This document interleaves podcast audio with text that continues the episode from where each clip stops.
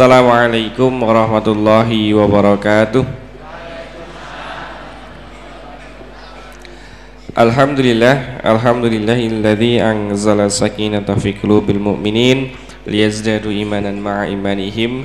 Wassalatu wassalamu ala asrafil anbiya'i wal mursalin wa ala alihi wa ashabi ajma'in. Amma ba'd. Laqad qala Allah ta'ala fi kitabil aziz. A'udzu billahi minasyaitonir rajim Bismillahirrahmanirrahim Ya ayyuhalladzina amanu taqullaha haqqa tuqatih wa la tamutunna illa wa antum muslimun. Wa qala aidan fa inna ma'al usri usra inna ma'al usri usra fa idza faraghta fansab wa ila rabbika farghab. Allahumma arhamna bil Qur'an. Bapak-bapak, ibu-ibu, jamaah ahad pagi edisi ke-60 yang insyaallah dirahmati oleh Allah Subhanahu wa taala.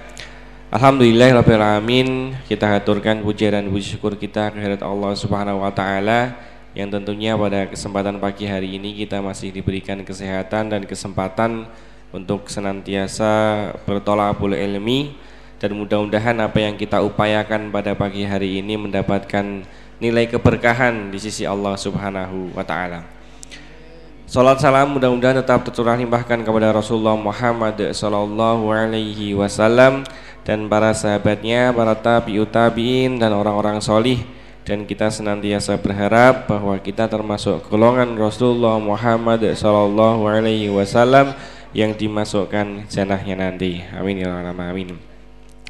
Pada pagi hari ini telah hadir bersama kita eh, Profesor Dr. Kiai Haji Dadang Kahmat MSI selaku Ketua Pimpinan Pusat Muhammadiyah di hari Ahad tanggal 18 Ramadan 1439 Hijriah tanggal 3 Juni 2018 Masehi. Pada pagi hari ini uh, Ustadz Dadang Kahmat akan membedah dengan tema memdayakan tabayun di era milenial. Nanti ada dua sesi Ustadz. Jadi ada sesi pertama nanti sekitar uh, 30 menit. Kemudian istirahat dulu sebentar tidak informasi kemudian nanti akan dilanjutkan lagi mengatakan untuk menghemat waktu marilah kita awali Ahad pagi edisi ke-60 pada pagi hari ini dengan masing-masing membaca basmalah Bismillahirrahmanirrahim. Yang selanjutnya kepada Profesor Dr. Kiai Haji Danang Kahmat MSI selaku Ketua PP Muhammadiyah Pusat Wadal Soho Pangginan Kulo Aturaken Sumonggo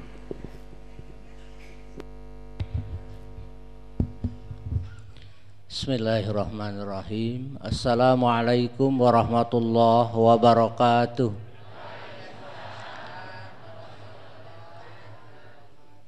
Alhamdulillah Wassalatu wassalamu ala rasulillah Wala hawla wala quwata illa billah. Ashadu an la ilaha illallah wahdahu la syarikalah Wa ashadu anna muhammadan abduhu wa rasuluhu la nabiya ba'dah Amma Allah Ta'ala fi karim A'udhu billahi samil alim minasyaitonir rajim. Fattakullaha mastata'tum Wasma'u wa ati'u wa anfusikum. Wa ma yuqasuha nafsihi ulaika humul muflihun. In lakum wa yaghfir lakum Wallahu syakurun halim. Bapak-bapak dan ibu-ibu Hadirin hadirat Di pengajian ahad pagi PCM Blimbing ya mas. Ketua PCM, Ketua PCA, Ketua PRM, PRA, Ortom, aktivis, para asatid dan mudir pesantren. Alhamdulillah di pagi hari ini saya bisa hadir di tengah ibu bapak sekalian. Walaupun perjalanan jauh saya dari Samarinda kemarin terus ke Kudus. Nah, tadi malam saya datang ke sini jadi perjalanan jauh. Itulah yang namanya orang Muhammadiyah itu tidak pernah menolak tugas. Kalau sudah sekali kita berjanji mau aktif ya aktif apa pun risikonya. Kayak aja Madalan itu sampai tersakit-sakit dulu. walaupun dilarang oleh dokter dia acuhkan saja wah dokter itu menghalangi dakwah ya. Ya. bukannya nurut sama dokter dokternya dilawan ya. nah itulah karakter dai-dai da dari Muhammadiyah maupun kader-kader Muhammadiyah oleh karena itu Muhammadiyah itu Bapak Ibu sekalian sekarang berkembang Alhamdulillah karena kita lambangnya matahari ya bukan organisasi malam. Kalau orang lain kan lambangnya ada yang bulan, ada yang bintang ya. Itu organisasi malam. Kalau kita organisasi siang. Matahari bersinar terus. Adakah matahari redup? Enggak. Ya. Matahari tidak pernah redup, tidak pernah mengecil seperti bulan. Kalau bulan kan ada masa tandan ya ada masa penuh, setengah penuh. Kalau matahari enggak. Ibu bapak tiap hari bersinarnya seperti itu aja. Cerot. Dan itu mengandung energi yang luar biasa. Sekarang itu para ahli di barat, di tempat-tempat orang pinter sana, energi itu, tenaga itu tidak lagi dari air, tidak lagi dari, tapi dari matahari, solar. Jadi dari matahari ditampung dan itu adalah tenaga yang tidak habis-habisnya. Ya. Kalau bensin, solar itu akan habis. Ya. Tapi matahari nggak akan habis. Sampai nanti kalau waktunya ya, ila ajalimu sama sampai waktunya habis. Tapi nanti juga matahari habis ibu, akan kerdil, hilang, yaitu mah Allah Subhanahu wa taala kan begitu. Kuluman alaiha panin. Semua apa yang ada di muka bumi ini semuanya sederah sebentar ya. Semuanya adalah terbatas. Hanya Allah Subhanahu wa taala yang tidak terbatas, yang tidak akan berakhir. Matahari itu kan, tapi kalau kita saksikan mengandung cahaya, energi dan dijadikan simbol-simbol kejayaan matahari itu. Kalau Bapak lihat warna-warna kerajaan itu mesti kuning. Ya, bukan berarti saya orang kuning Pak ya. Itu namanya keagungan. Nah, ini hanya menerangkan soal matahari saja. Asyams matahari. Sehingga Allah menjadikan sebuah nama surat ya. Asyams. Saking pentingnya matahari. Itu dipakai oleh Muhammadiyah tidak asal saja karena itu mengandung filosofi. Bahwa kita sebagai anggota Muhammadiyah harus seperti itu, selalu gembira, selalu ria ya. Selalu bertenaga, selalu bersemangat dalam dakwah. Itu jam surat Yasin itu disebutkan wajah amin aksol madinati rajulu yas'a telah datang dari pojok sebuah di sebuah kota seorang laki-laki berlari. Kira-kira dakwah itu seperti itu, semangat berlari. Qala ya qaumi kaumku ittabi'u malais alukum ajron. Ikutilah orang yang suka berdakwah tapi tidak mau dibayar. Ah gitu kayak gitu. Jadi itu kira-kira orang Muhammadiyah seperti itu selalu berlari semangat. Nah, ini ada sekolah ada pesantren ini buah dari semangat ya, buat dari semangat. Dan saya ke mana-mana itu membuktikan bahwa memang seperti itu. Saya pernah ke timur ya, di di sana timur barat di Kupang. Itu orang-orang Kupang itu ibu 90% orang Katolik orang Islamnya hanya 10%. Berapa orang Muhammadiyahnya kalau orang Islamnya 10%? Dan penduduk sana tidak seperti penduduk Jawa Tengah. Berapa puluh juta Jawa Tengah mas? 30 ada. Kalau Jawa Barat 46 juta. Kira-kira Jawa Tengah 30 juta. Di sana itu hanya 3 juta orang. Di timur, di NTT itu satu provinsi semuanya 90 Katolik 10 persen orang Islam berarti 300 ribu orang Muhammadiyahnya berapa tidak pernah banyak orang Muhammadiyah itu di mana-mana tidak pernah banyak. Mungkinlah 100 orang, 100 mungkin sekitar 100 orang atau tapi dia punya Universitas Muhammadiyah Kupang. Ada lima lantai. Mungkin dengan pengajian ini lebih banyak pengajian ini 3000 orang katanya. Di sana hanya ratusan, bisa mendirikan universitas. Mungkin ini yang orang Sukoharjo itu harus mendirikan universitas karena lebih banyak. Dan itu Bapak sekalian mahasiswi mahasiswanya orang Katolik. 90% orang Katolik. Waktu kita tawarkan mau belajar Islam enggak? Enggak. Kami orang Katolik. Mau belajar Muhammadiyah mau? Mau. Nah, kalau ke Muhammadiyahan mereka mau, tapi kalau belajar Islam mereka tidak mau. Mereka tidak tahu bahwa Muhammadiyah itu adalah Islam. Ya kita kan cara dakwah kita bil hikmah. Bil hikmah itu artinya diselimuti. Ya, kayak pel ya. Pel itu kan pahit, diselimuti gula kalau pil kina itu sehingga enak. Nah dakwah pun gitu-gitu. Dalam daerah-daerah tertentu tidak bisa begini kan, walaupun kita mau tabligh nggak ada orangnya di sana.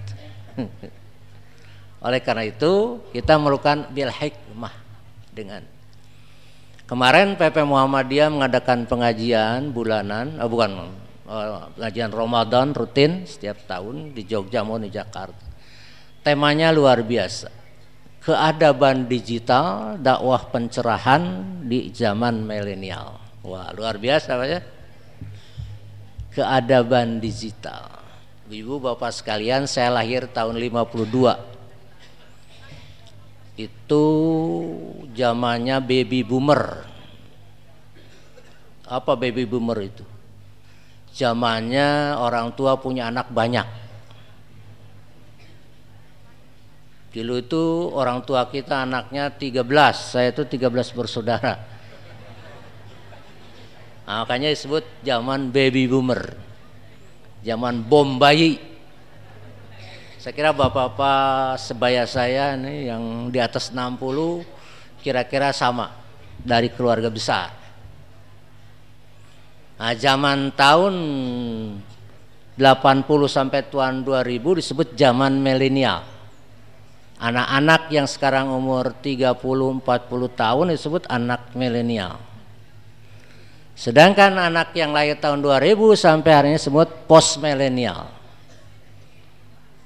Orang-orang zaman yang sekarang berbeda dengan zaman yang lalu.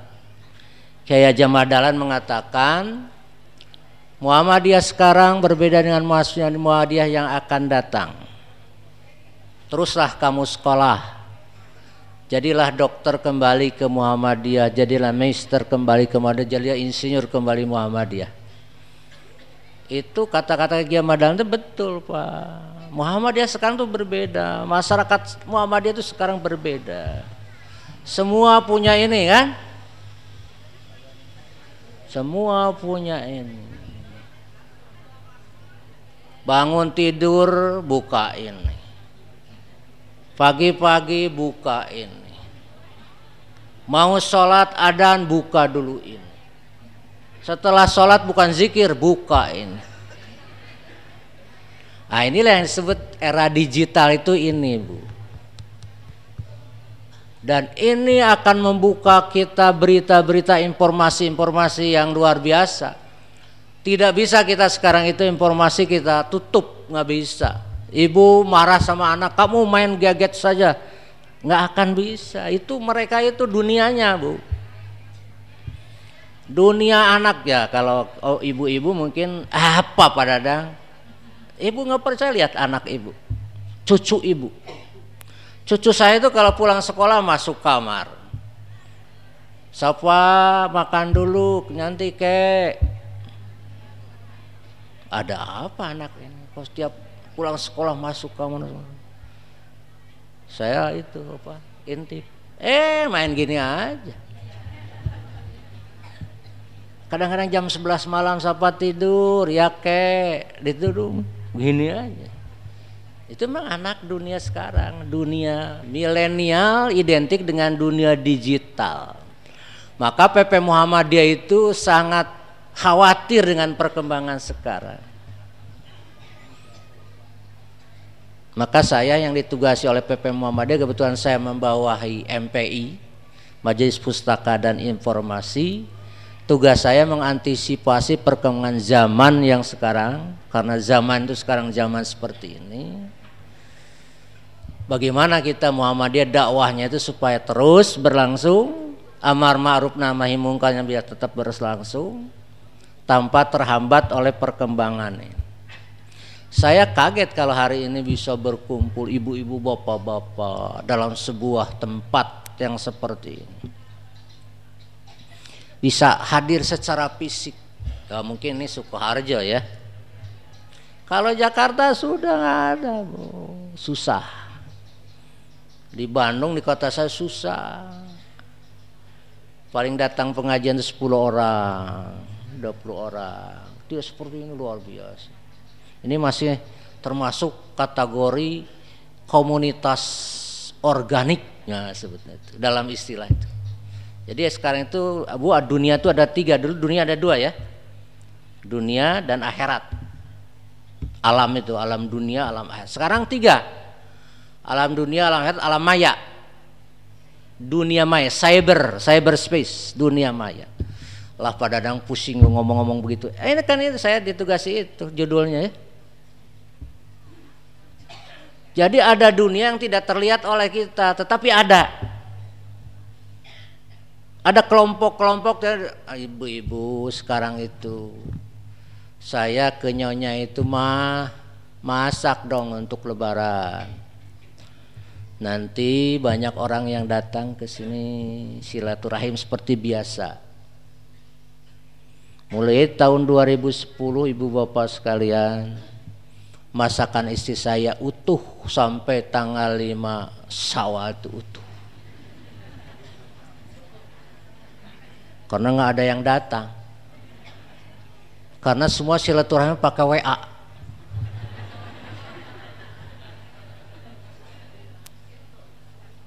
Pak selamat Idul Fitri, mohon maaf lahir batin, takoballo minna wa minkum. Cukup aja sampai saya balas lagi ya sama-sama. Selamat lebaran. Takobalom minku nggak ada punya itu.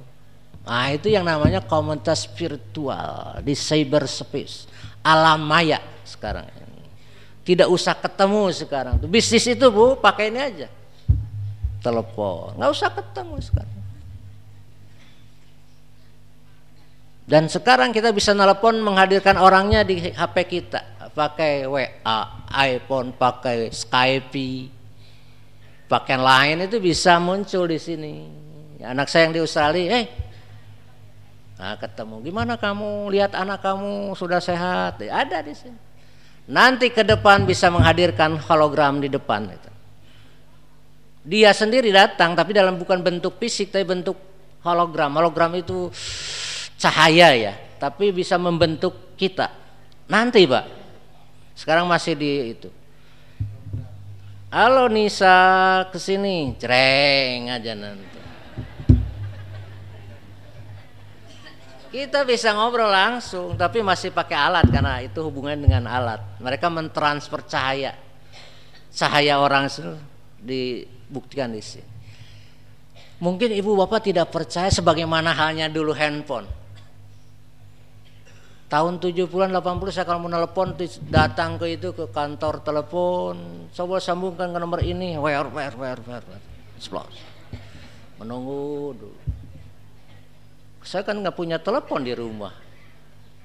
Pegawai rendahan nggak punya telepon. Sekarang semua orang punya telepon. Tukang sampah punya telepon semua saya lihat pengamen ataupun orang yang itu peminta-minta di Bandung itu sudah punya HP.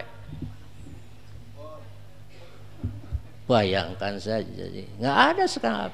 Nah inilah tantangan kita ibu bapak. Kalau tidak disaring ini berbahaya. Kalau tidak disaring berbahaya. Jadi targetnya mau PP pertama memberi guide, memberi pedoman kepada warga Muhammadiyah berhati-hatilah ketika menerima berita ataupun apa pun yang datang dari handphone kita. Ini anak-anak muda ya.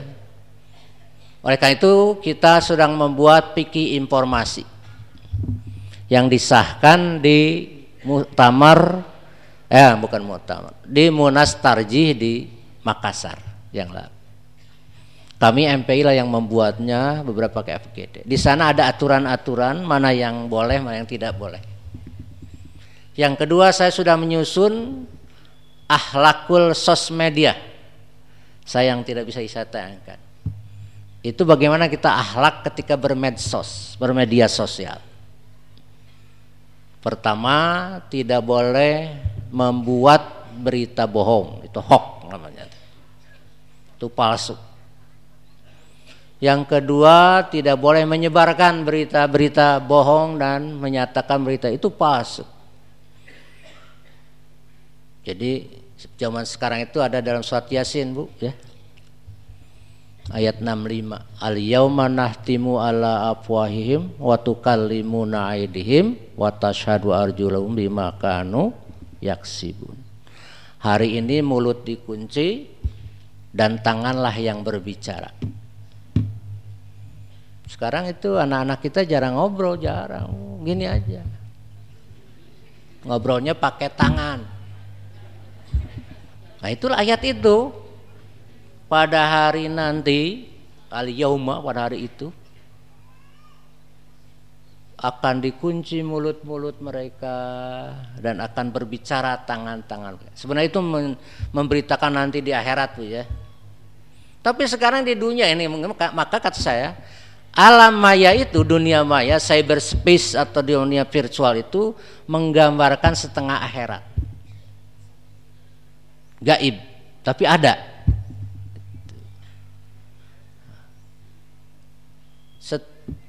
Jadi kata-kata sekarang itu bisa memakai ini, bisa memakai tangan. Sama kedudukannya itu. Saya lihat Bapak Ibu sekalian itu harus berhati-hati karena saya lihat di Al-Qur'an maupun hadis banyak sekali amal kita batal gara-gara omongan. Contoh puasa. Wa may yada wa malam yada qawla zur wa amala bih. Walai salilai hajatan minalil yada to'amahu wasyarabahu Barang siapa yang tidak bisa menahan ngomong dusta, bohong, maka Allah tidak butuh puasanya dari dia. Artinya puasa kita itu bisa hilang pahalanya gara-gara kita berbuat bohong dan beramal bohong. Hati-hati Bu itu. Lalu yang disebut juga penghancur amal itu ialah kita sibuk bi bil haq. Jadi sibuk dengan kejelekan orang lain. Itu termasuk orang-orang yang sibuk dengan kejelekan orang lain termasuk yang amalnya digugurkan. Ada enam kalau nggak salah. Ya. Pertama istigalu bi bil haq yaitu orang yang selalu sibuk membicarakan aib orang lain kalau orang lain salah itu disebar-sebarkan. Termasuk yang dari TV, termasuk di sini disebar-sebarkan itu orang yang amalnya digugurkan oleh Allah Subhanahu wa taala. Maka berhati-hati. Yang kedua hubudunya terlalu mencintai dunia. Yang ketiga sedikit rasa malu jadi rasa malu itu bagian dari iman. Kalau kita sedikit rasa malunya, maka Allah menggugurkan. Yang keempat apa? Banyak melamun. Dan yang kelima berbuat zalim kepada orang lain. Nah, jadi berhati-hatilah. Itu sodako itu bisa hancur pahalanya gara-gara kita mengatakan perkataan yang menyakitkan. Ya ayuhalladzina amanu jadi orang-orang yang beriman jangan kamu ikuti sodakohmu, sodakohmu bil mana wal ada dengan omongan yang menyakitkan. Ya sodakoh sambil kita ngomong kamu minta terus. Ah, cari pekerjaan atau jangan minta terus. Ah, itu omongan itu menyakitkan dan membuka, membuat sodakoh kita hilang pahalanya.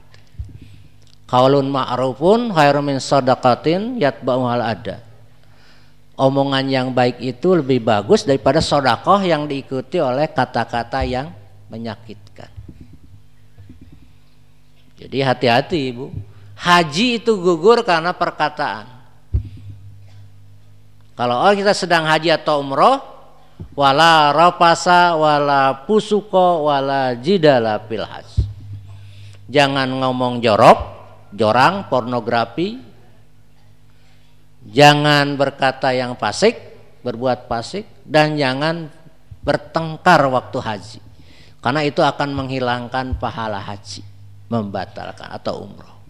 Jadi banyak omongan, banyak amal yang batal karena omongan kita. Hati-hatilah. Hati-hatilah. Zaman Rasulullah SAW ada dua peristiwa ibu dan bapak sekalian. Itu kalau sudah 30 menit stop aja ya. Dua peristiwa ini sangat menggegerkan warga Madinah pada waktu itu. Hampir-hampir saja terjadi kegaduhan yang luar biasa. Yang pertama kalau tidak hati-hati menyebabkan terjadinya pertumpahan darah. Dan yang kedua kalau tidak hati-hati menyebabkan penceraian Rasulullah dengan Aisyah. Dan dua-dua ini ditengahi oleh ayat yang pertama surat Al-Hujurat ayat 6, yang kedua surat An-Nur ayat 11 sampai ayat 20. Peristiwa yang pertama ialah peristiwa Bani Mustalik yang taluk kepada kaum muslimin. Tetapi yang namanya ketua sukunya waktu itu lapor kepada kami ya Rasulullah jangan diteruskan menyerangan pada kami. Sudahlah. Saya akan berdakwah di kampung saya semua supaya masuk Islam karena saya kepala sukunya. Kata Rasulullah ya kalau begitu silakan kamu pergi ke sana pulang Islamkanlah seluruh sukumu, bangsamu itu, suruhlah mereka sholat dan membayar zakat. Jadi dua itu perintah orang yang masuk Islam itu sholat dan zakat. Nah bagi ibu-ibu dan bapak-bapak ini hati-hati ini terutama soal zakat, soal sodakoh ya. Jangan merasa ringan, jangan merasa ah itu bagian dari perintah Rasul pertama pada orang yang masuk Islam. Yaitu salat dan sedekah. Wa aqimus salata wa atuz zakah. Itu dua perintah itu. Kata Rasulullah kalau sudah kamu nanti mengumpulkan zakat ada yang menjemput dari sini dari Madinah ke sana. Ternyata ibu bapak sekalian, Bani Mustalik tetap mengumpulkan zakat dan sudah terkumpul. Mereka tidak sabar menunggu utusan Rasul. Kata kepala sukunya, kita antarkan saja ke sana lah. Ke Madinah, surprise pada Rasul. Diantarkan dengan ngabring. Ngabring itu apa bahasa Sunda? Bahasa Jawanya apa ya? Bersama-sama gitu ya. Saya itu orang Sunda jadi nggak bisa lepas peribu-ibu aja bahasa Jawa bersama-sama. Ah, Rasulullah pun ingat bahwa Bani Mustalik harus dipungut zakatnya, maka diutuslah salah seorang sahabat Nabi. Diutuslah ke sana. Di tengah jalan bertemu, bukan bertemu, dia itu utusan Nabi itu melihat, uh, tuh Bani Mustalik sudah di jalan, banyak orang lagi. Dia takut, kembalilah ke Rasulullah. Ya Rasulullah, ternyata Bani Mustalik itu mau menyerang kita di sini. Tidak mau membayar zakat, bahkan saya pun mau dibunuh oleh dia. Waktu itu Rasul tidak buru-buru kaget juga tapi tidak buru-buru bereaksi.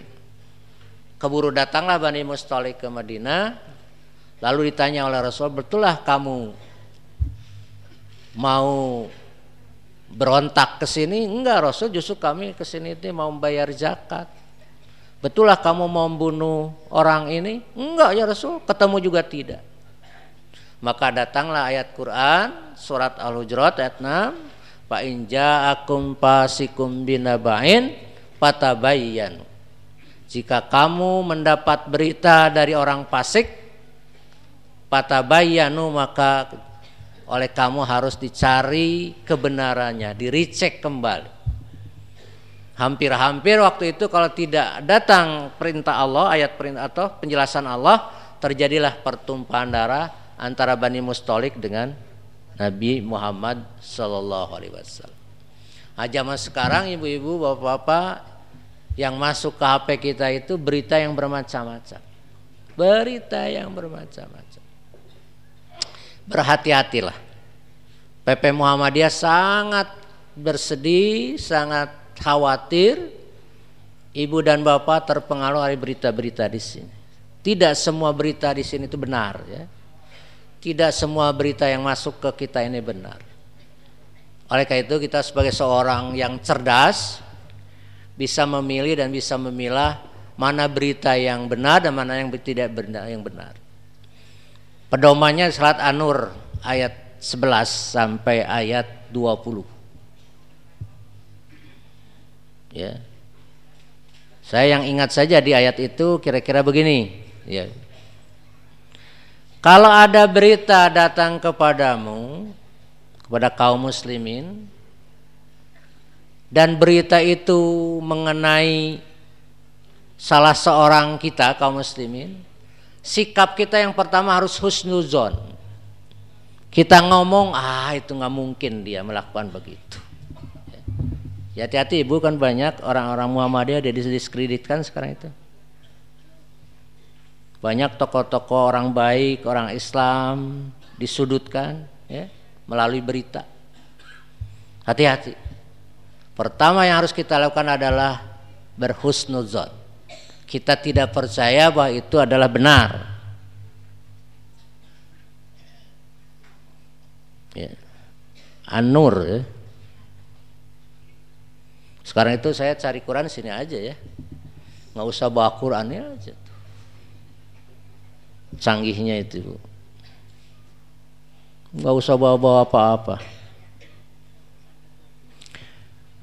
Nah ini ayatnya. Laula ida sami'tum hudannal mu'minuna wal mu'minati bi anfusim khairan wa qalu hada ifkum mubin. Jadi kenapa tidak ketika mendengar berita seorang mukmin atau mukminat melakukan kejelekan maka seharusnya kamu berkata hadaibkum. Oh ini berita bohong. Jadi pertama kita harus membohongkan berita itu. Sebelum ada bukti-bukti yang nyata. Oh Habib Rizik begitu-begitu. Ah bohong. Oh Pak Dadang begitu-begitu. Ah bohong. Itu aja sudah.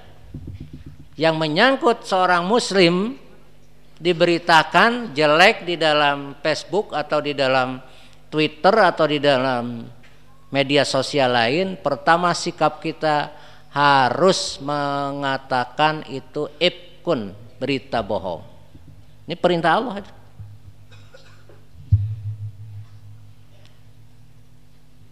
Laula ja'u alaihi bi arba'atin syuhada fa illam yatu bi syuhadai fa ulaika indallahi humul kazibun.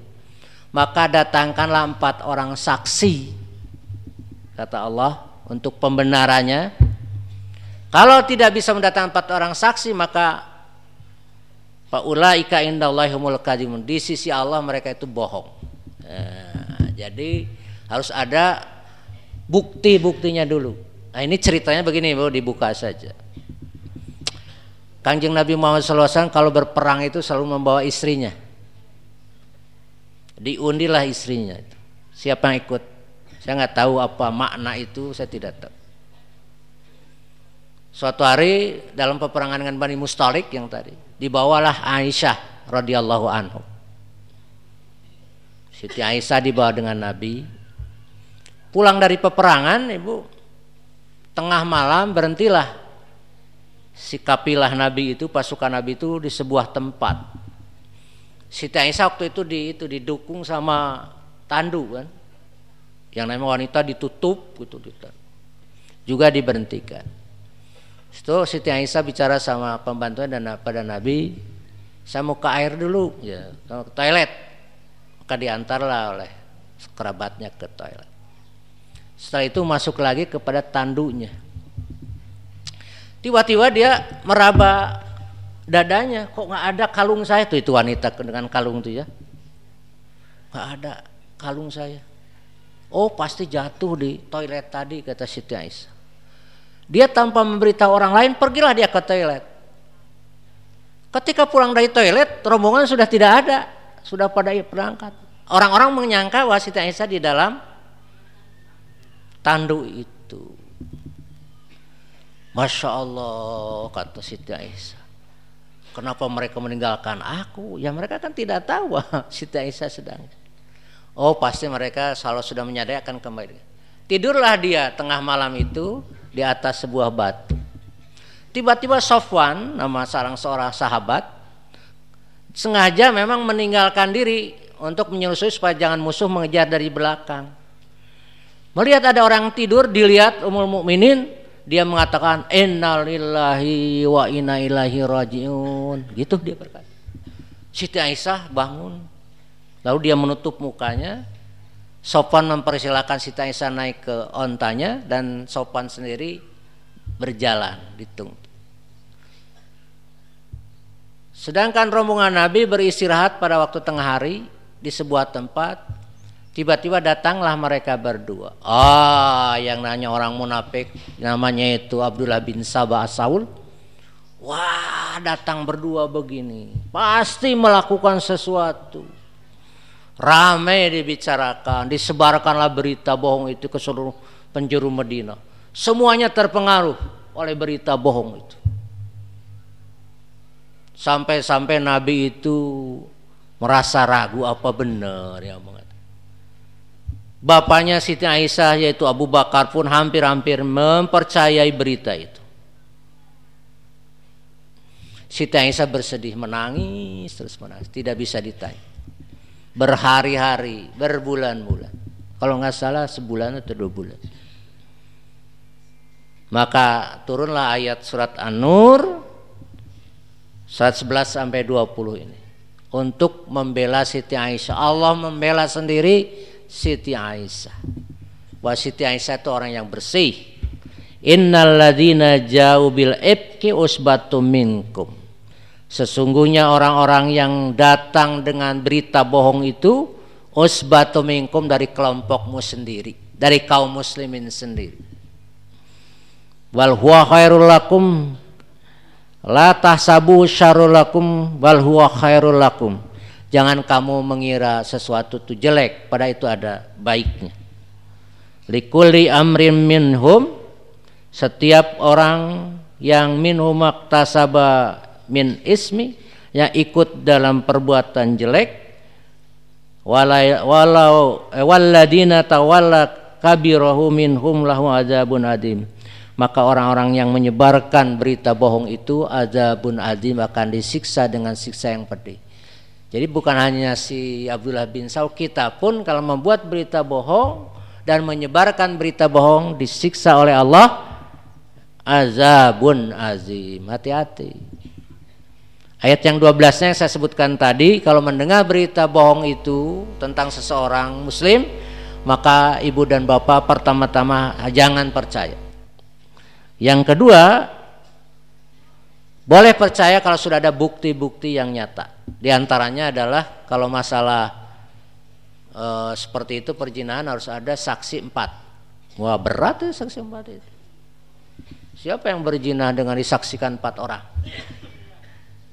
Kecuali di muka umum. Berarti hampir tidak pernah ada yang dapat disaksikan empat orang. Ini mungkin jangan maksudnya itu Allah itu jangan kamu apa ya sembrono lah menuduh orang.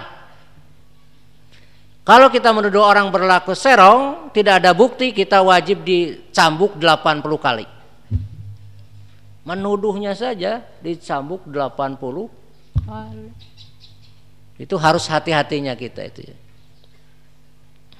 Walau lafadullahi alaikum warahmah fid dunya wal akhirah lamasakum fima afadtum bi adabun azim.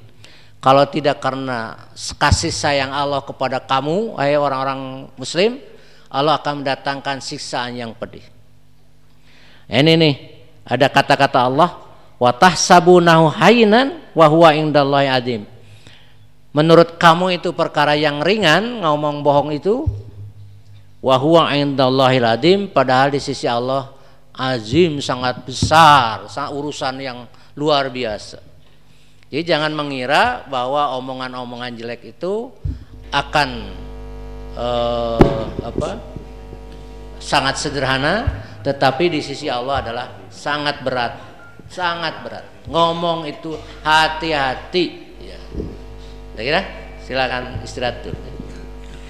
Jih, eh, Punten istirahat dulu sebentar untuk memberikan beberapa informasi kegiatan. Untuk jeda informasi kali ini akan kami sampaikan yang pertama terkait dengan laporan keuangan Ahad pagi edisi kemarin, edisi ke-59 27 Mei 2018. Saldo awal ada 46 juta 853 ribu rupiah. Untuk pengeluaran 9.365.500 untuk saldo akhir 37.487.500 untuk infak minggu lalu 16 juta 20.400 sangat luar biasa subhanallah. Kemudian eh, Mohon untuk jamaah sekalian bisa memutar kotak infaknya seperti biasanya biar bisa merata dan diisi begitu. Kemudian untuk insya Allah setiap ahad keempat kajian ahad pagi akan digunakan untuk tanya jawab agama. Jadi monggo bisa dituliskan untuk beberapa pertanyaan yang nanti insya Allah akan dijawab oleh Ustadz Solahuddin Sirizal LCMA. Pekan ini yang akan mendapatkan giliran dana organisasi dari infak ahad pagi adalah Aum Pendidikan yang di bawah rasio MI Muhammadiyah Tanjung dan BA Aisyah Jati Sobo.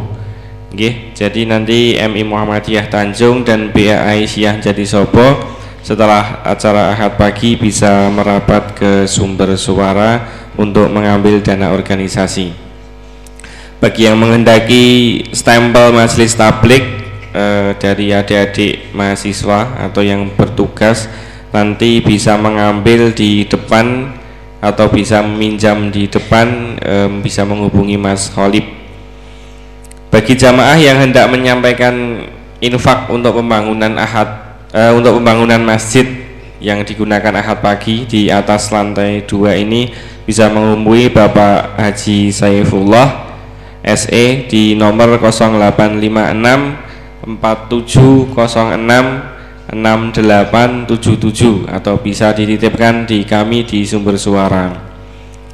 Kemudian informasi tablik akbar dari ranting sayangan nanti dengan pembicara Ustadz Tri Asmoro Kurniawan dengan tema meraih surga di Istana Cinta hari Ahad 3 Juni 2018 pukul 20 WIB di Masjid Baitur Rahman Sayangan. Nanti malam. Monggo kalau bisa untuk dirauhi bareng-bareng.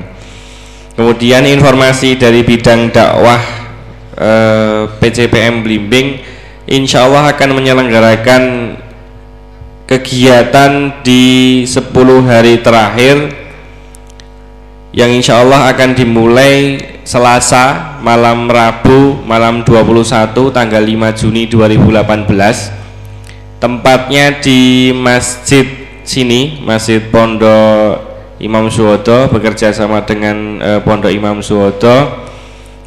Kegiatannya sholat isya. Nanti sholat isya di waktunya tentunya setelah sholat isya nanti ada tilawah mandiri.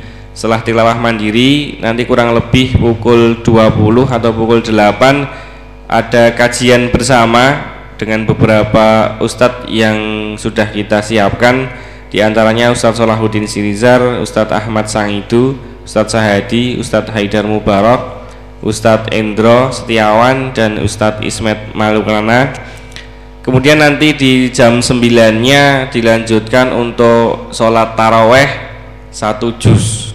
ya, untuk sholat taraweh satu juz pukul 9 sampai selesai tentunya. Yang bisa merauhi monggo untuk malam hari kegiatan mulai isak sampai selesai nanti bisa hadir di Masjid Pondok Pesantren Imam Zuhodo di tempat kajian pada pagi hari ini. Kemudian juga ada informasi kegiatan Iktikaf Ramadan 1439 Hijriah yang disenggarakan oleh pimpinan ranting pemuda Muhammadiyah Wonorejo bekerja sama dengan Takmir Masjid Agung Imam Suwodo Wonorejo yang di Wonorejo. Iktikaf Ramadan gratis kuota 40 peserta. Sampai saat ini belum full. Monggo nanti yang kerso untuk etikaf gratis bisa mendaftar.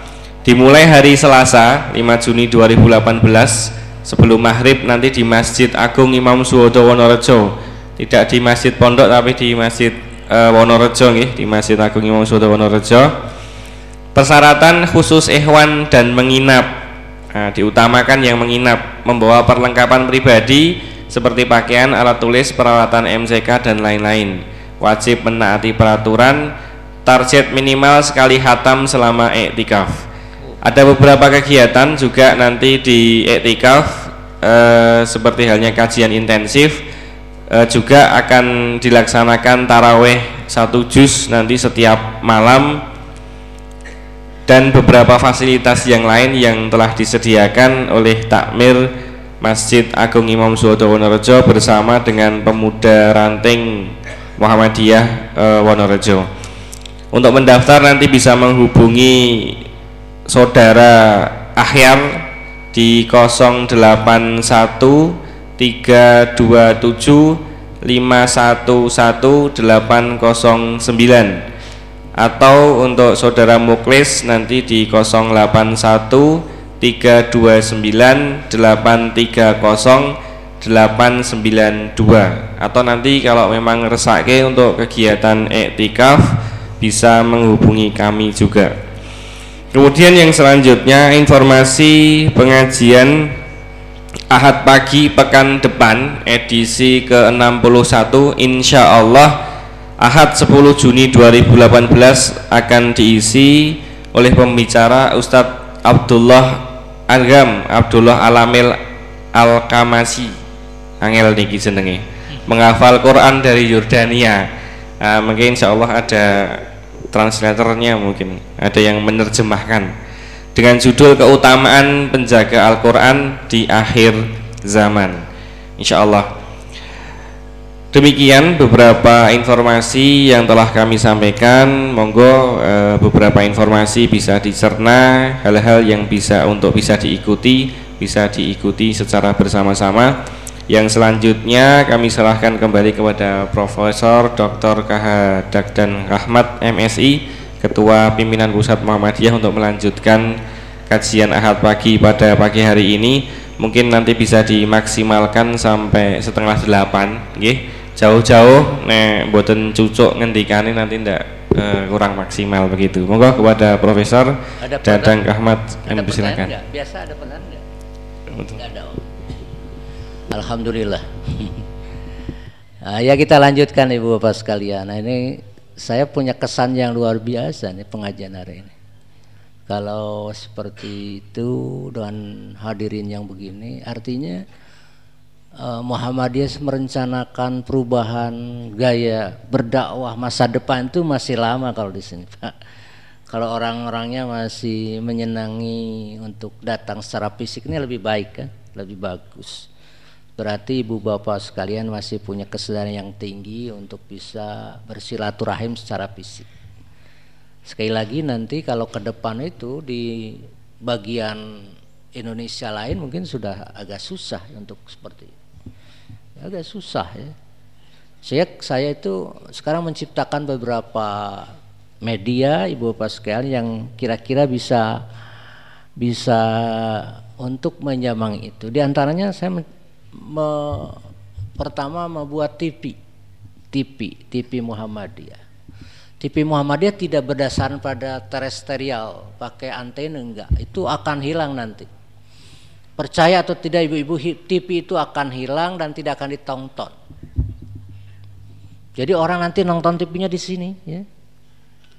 Saya men, ini membuat sekarang itu move on ya mungkin di Play Store ada adik atau bapak-bapak muda yang masih senang menggunakan zat-zat dia di Play Store itu ada move on ya move on namanya itu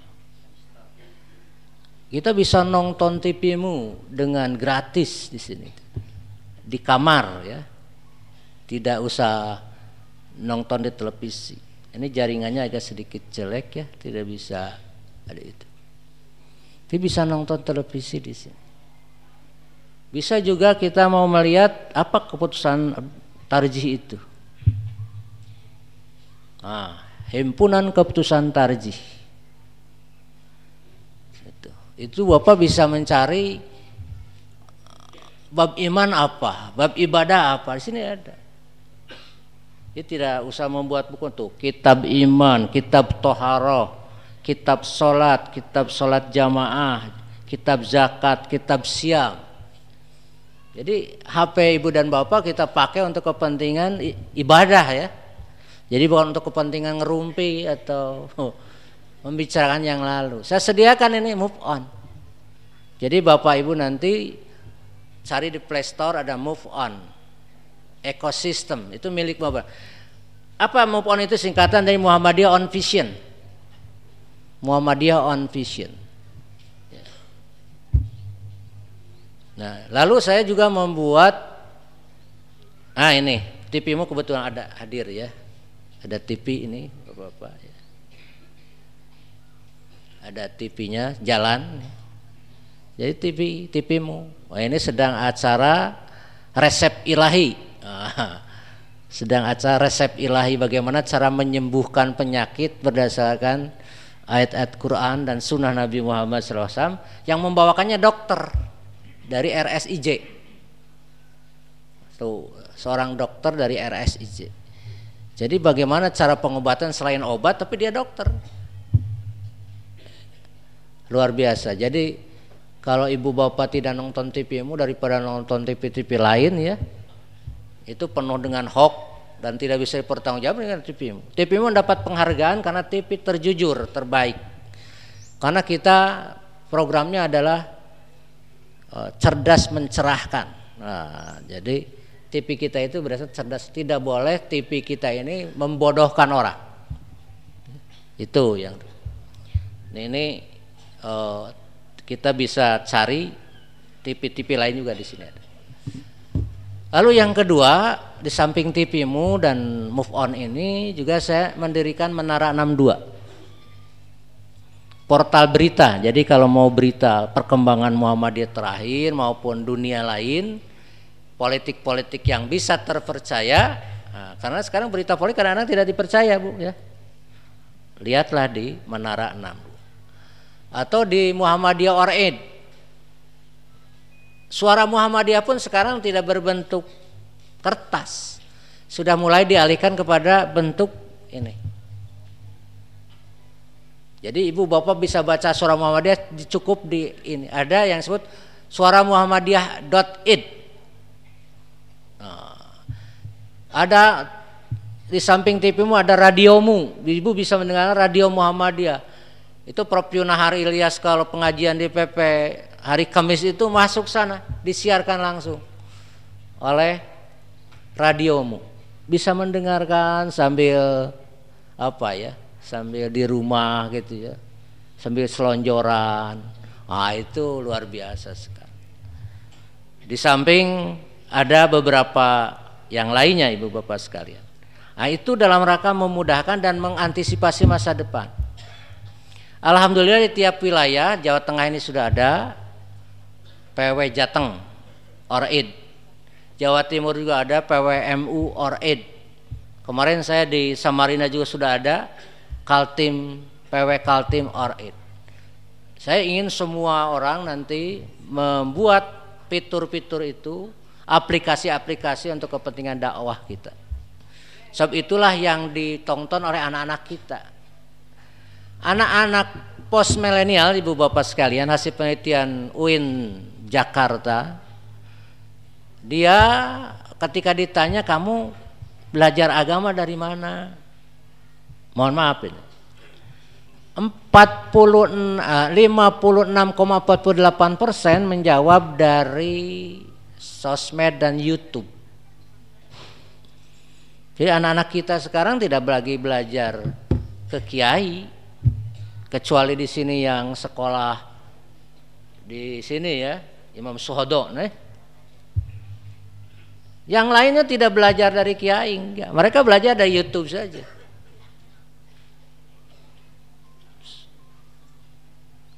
Ah, di YouTube itu kita bisa pilih kiai mana yang kita mau ya. Ada UAS. Apa UAS itu? Ustadz Abdul Somad. Ada juga orang Muhammadiyah Adi Hidayat. Nah, itu orang Muhammadiyah Tulen, lulusan pesantren Darul Arkom Garut. Lalu dia ke Libya dan menjadi ketua PCIM Libya pimpinan cabang istimewa Libya. Lalu ada Uja Ustadz Wijayarto, Ujayanto yang orang Jogja. Ada Ustadz UBN, apa UBN? Bahtiar Nasir. Ada juga dari Salapi, umpamanya Sapik Basalamah, yang berjenggot segini. Pilih-pilih nanti. Dan itu ditonton oleh anak-anak kita. Nah, ibu-ibu mungkin karena sibuk ya urusan. Tapi anak-anak kita tidak lagi datang ke itu. Tidak lagi datang ke tempat majelis taklim. Jadi yang datang ke majelis taklim itu orang-orang tua. Maka ibu-ibu ya, anak-anak mudanya enggak buat apa majelis taklim. Bioskop saja sudah tutup sekarang bu. Nggak ada lagi bioskop sekarang. Kenapa kita harus nonton bioskop rame-rame yang di rumah nonton sendiri di sini? Mau film apa ada di sini? Mau film apa? Saya kalau bela, membaca ini Bu, membaca Bapak-bapak sekalian membaca eh, koran sekarang di sini, tidak lagi di koran. Ini koran saya langganan koran di sini, empat koran yang saya langganan.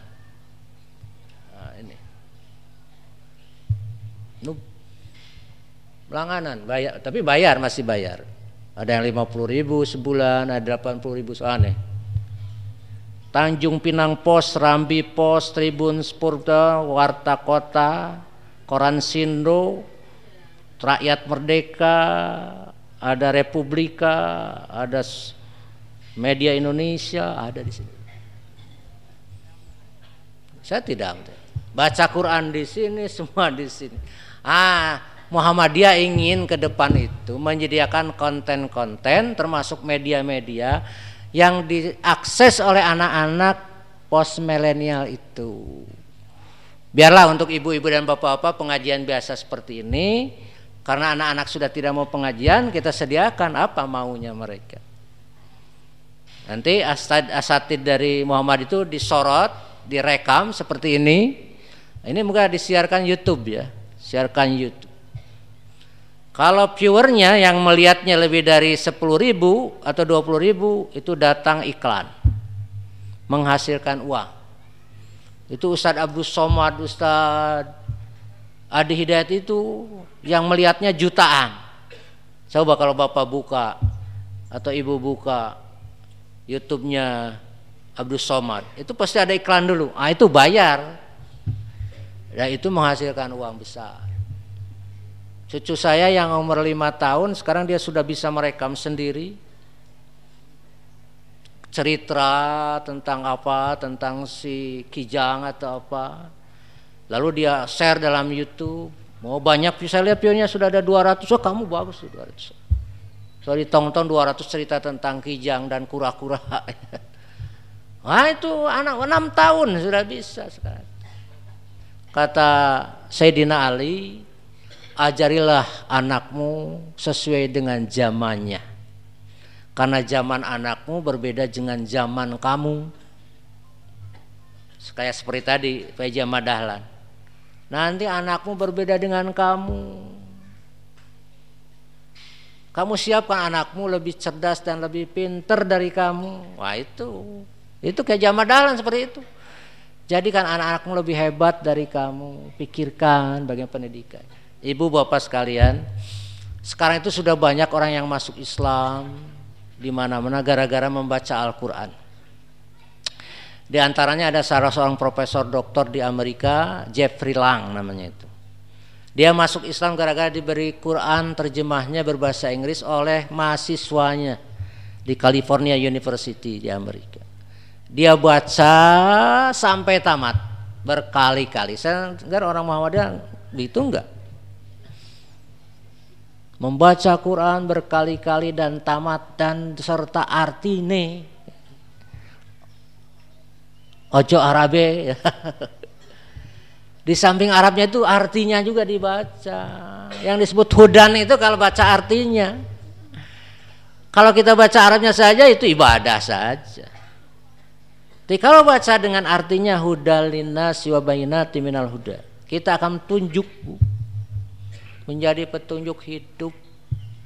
Ah si namanya Jeprilang itu dia bergetar ketika menemui beberapa ayat Al-Qur'an di antaranya ayat penciptaan manusia yang dia sendiri dari dulu bertanya, kenapa Tuhan menciptakan aku? Kenapa Tuhan menciptakan orang jahat? Kenapa orang baik itu? Untuk apa tujuannya Tuhan? Nah, dia dijawab oleh surat Al-Baqarah ayat 30 itu. Dia masuk Islam sekarang itu, Pak, Ibu Bapak sekalian, di samping profesor matematika, kerjaannya itu membacakan dan didakwahkan. Di YouTube ada, coba Jeffrey Lang, ketik di YouTube itu Jeffrey Lang. Itu ada ceramahnya dia. Yang menarik apa? Setelah saya baca Al-Quran berkali-kali, ternyata Al-Quran itu menekankan tiga hal. Saya sendiri tidak tahu Al-Quran menekankan tiga hal. Yang pertama manusia itu harus pinter dan cerdas. Yang pertama tugas manusia di dunia ini pinter dan cerdas. Lihat saja Ketika awal manusia diciptakan apa yang Allah lakukan? Wa 'allama Adama asma, mengajar Adam pengetahuan asma nama-nama. Artinya manusia di dunia itu harus pinter, harus banyak pengetahuan. Surat yang pertama lihat, Iqra bismi rabbikal ladzi. Bacalah olehmu.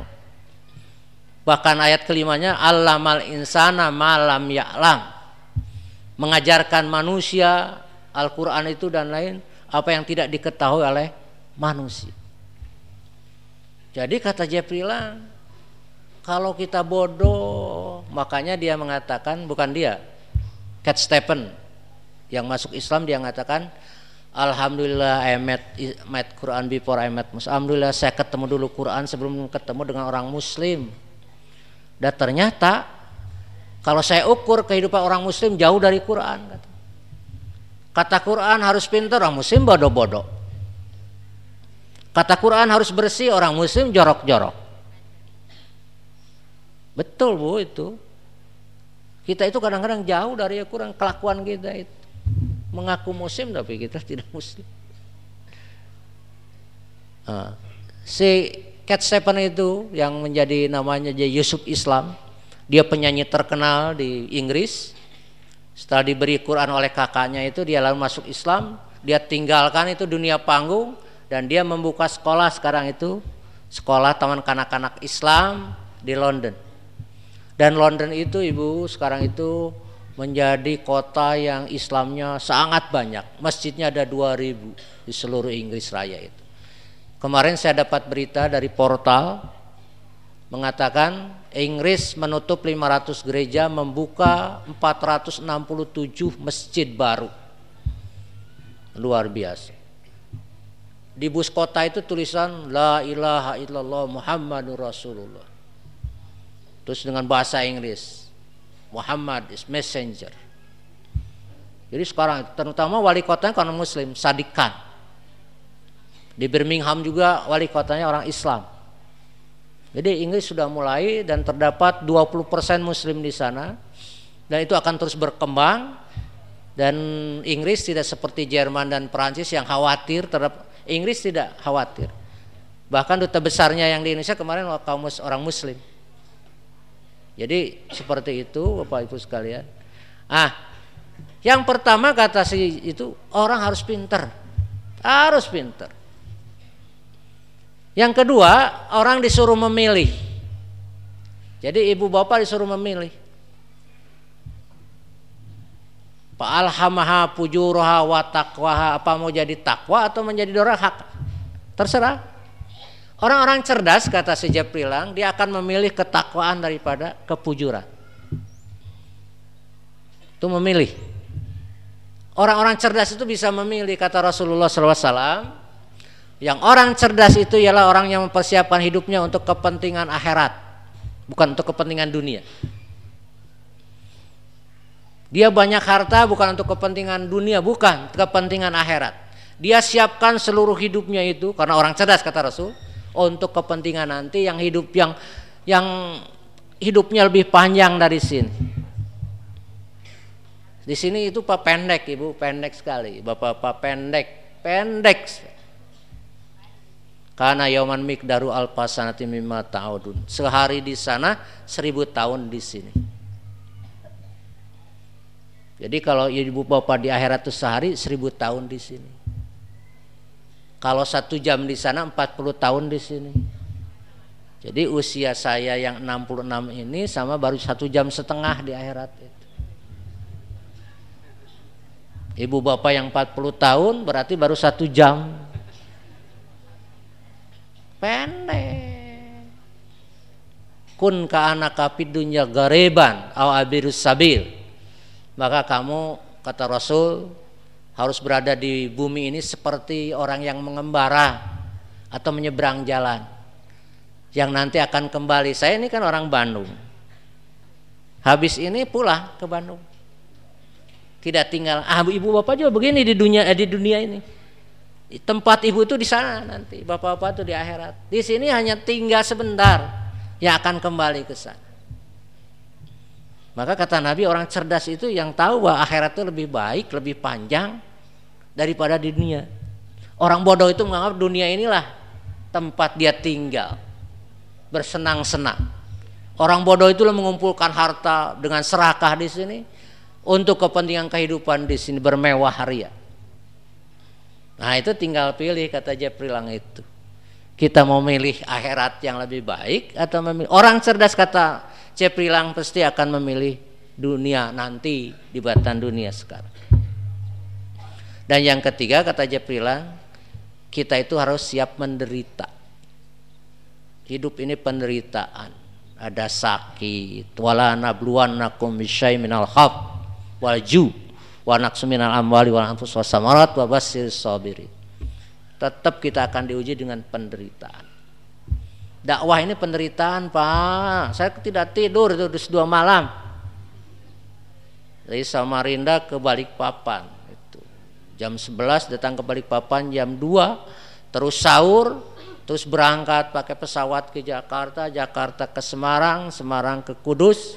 Eh, eh, eh. dari Kudus itu malam-malam dijemput sama Asep sini. Datang jam 12 hampir jam 1 gitu-gitu tidur jam 2 setengah empat diketok sama pelayan ngantarkan makan sahur.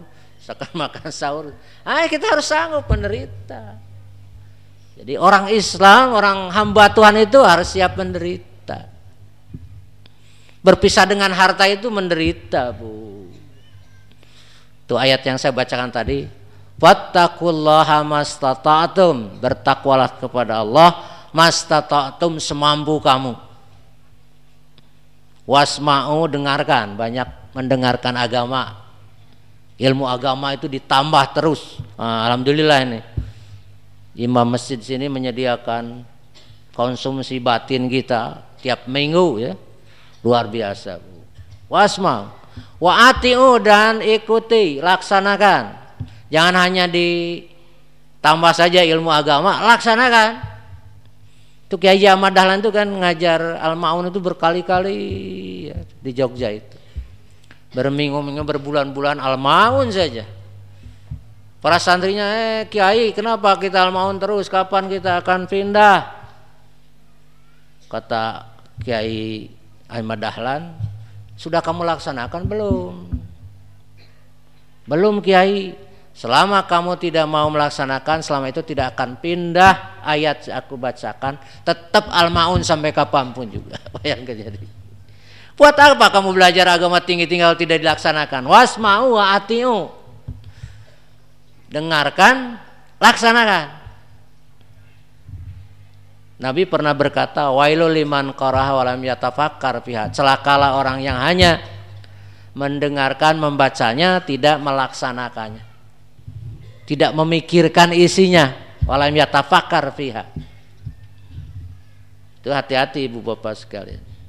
Wasma'u wa ati'u. Sekarang banyak yang celaka itu orang-orang pinter celaka tapi tidak bisa milih wa ati'u dan tidak melakukan tindakan itu. Itu saya kemarin nganjang ke Sukamiskin Ibu. Sukamiskin itu penjara orang koruptor. Penjara orang-orang korupsi. Banyak orang pinter di sana. Agamanya pinter, menteri agama juga ada. Ya kaget juga kan menteri agama di sana. Orang-orang pinter, agamanya luar biasa.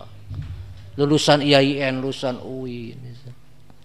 Kenapa masuk sana? Ya itulah tidak waati oh dia itu. Kerjanya baca kitab, baca Quran, baca buku, tapi tidak mau pelaksanaan buat apa? Merugikan diri sendiri. Seperti halnya dalam Al-Quran disebutkan seperti keledai membawa kitab aja. Ya, keledai kan tidak bisa baca, tidak bisa nulis diumpamakan seperti itu.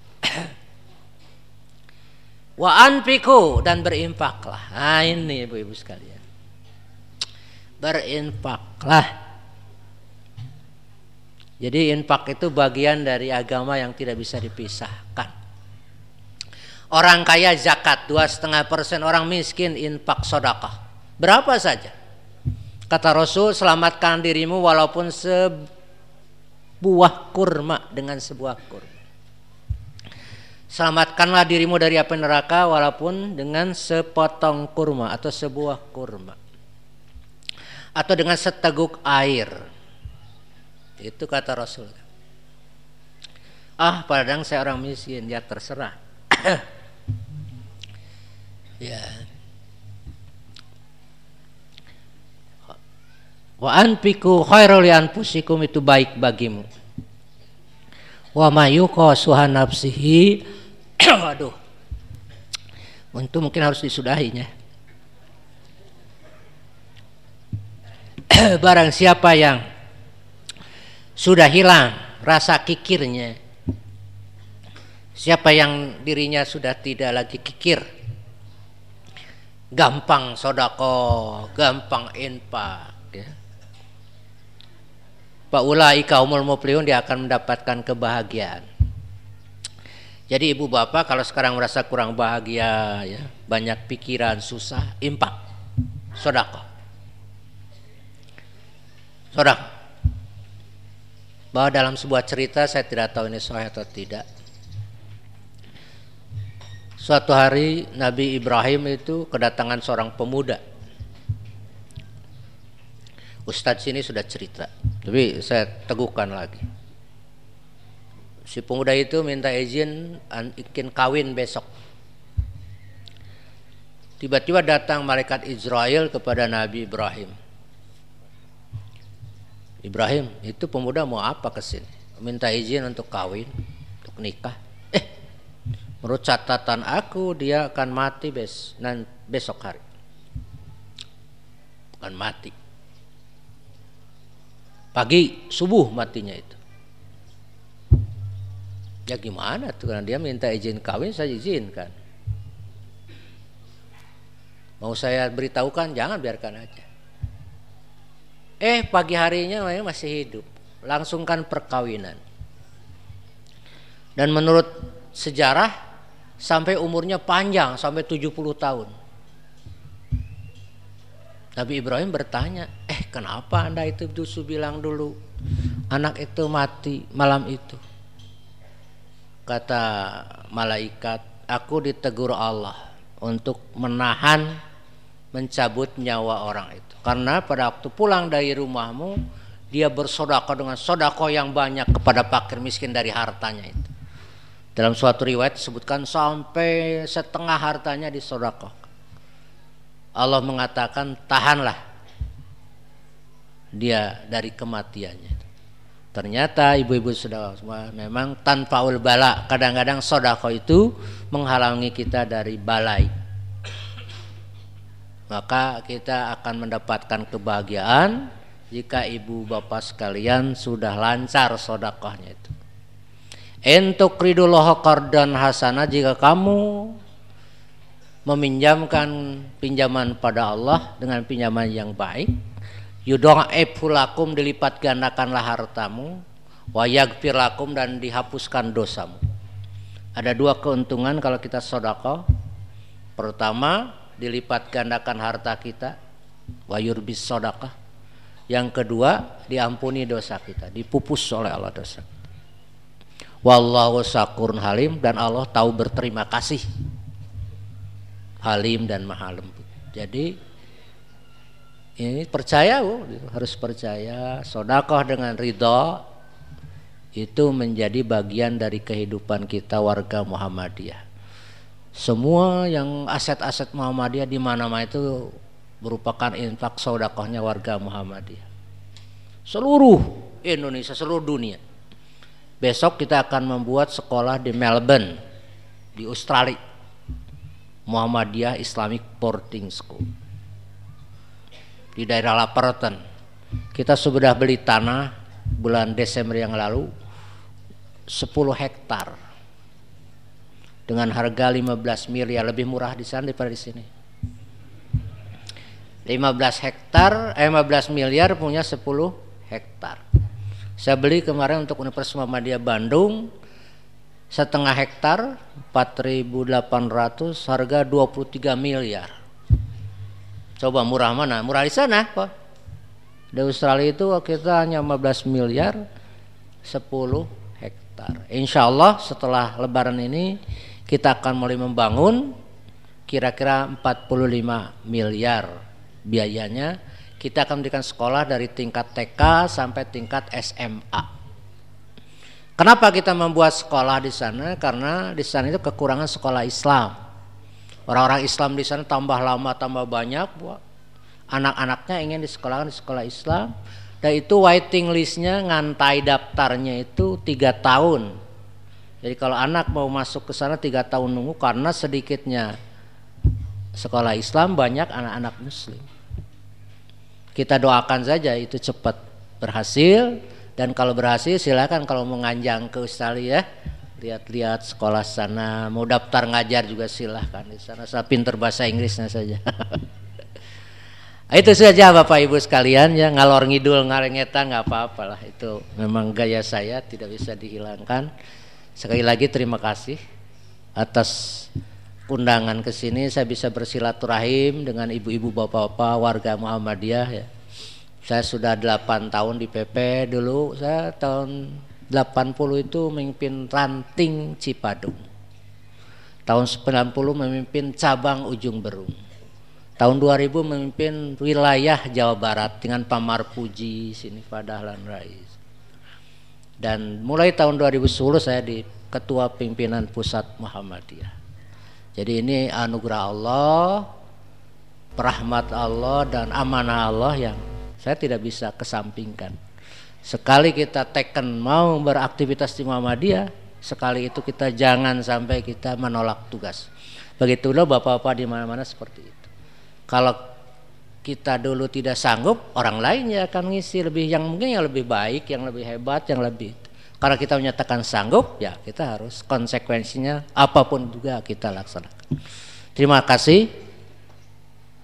Billahi taufiq wal hidayah lampu minkum. Wassalamualaikum warahmatullahi wabarakatuh. Jazakumullah khairan kasiran kepada Ustadz Profesor Dr. KHD dan Kahmat MSI selaku Ketua Pimpinan Pusat Muhammadiyah yang telah memberikan materi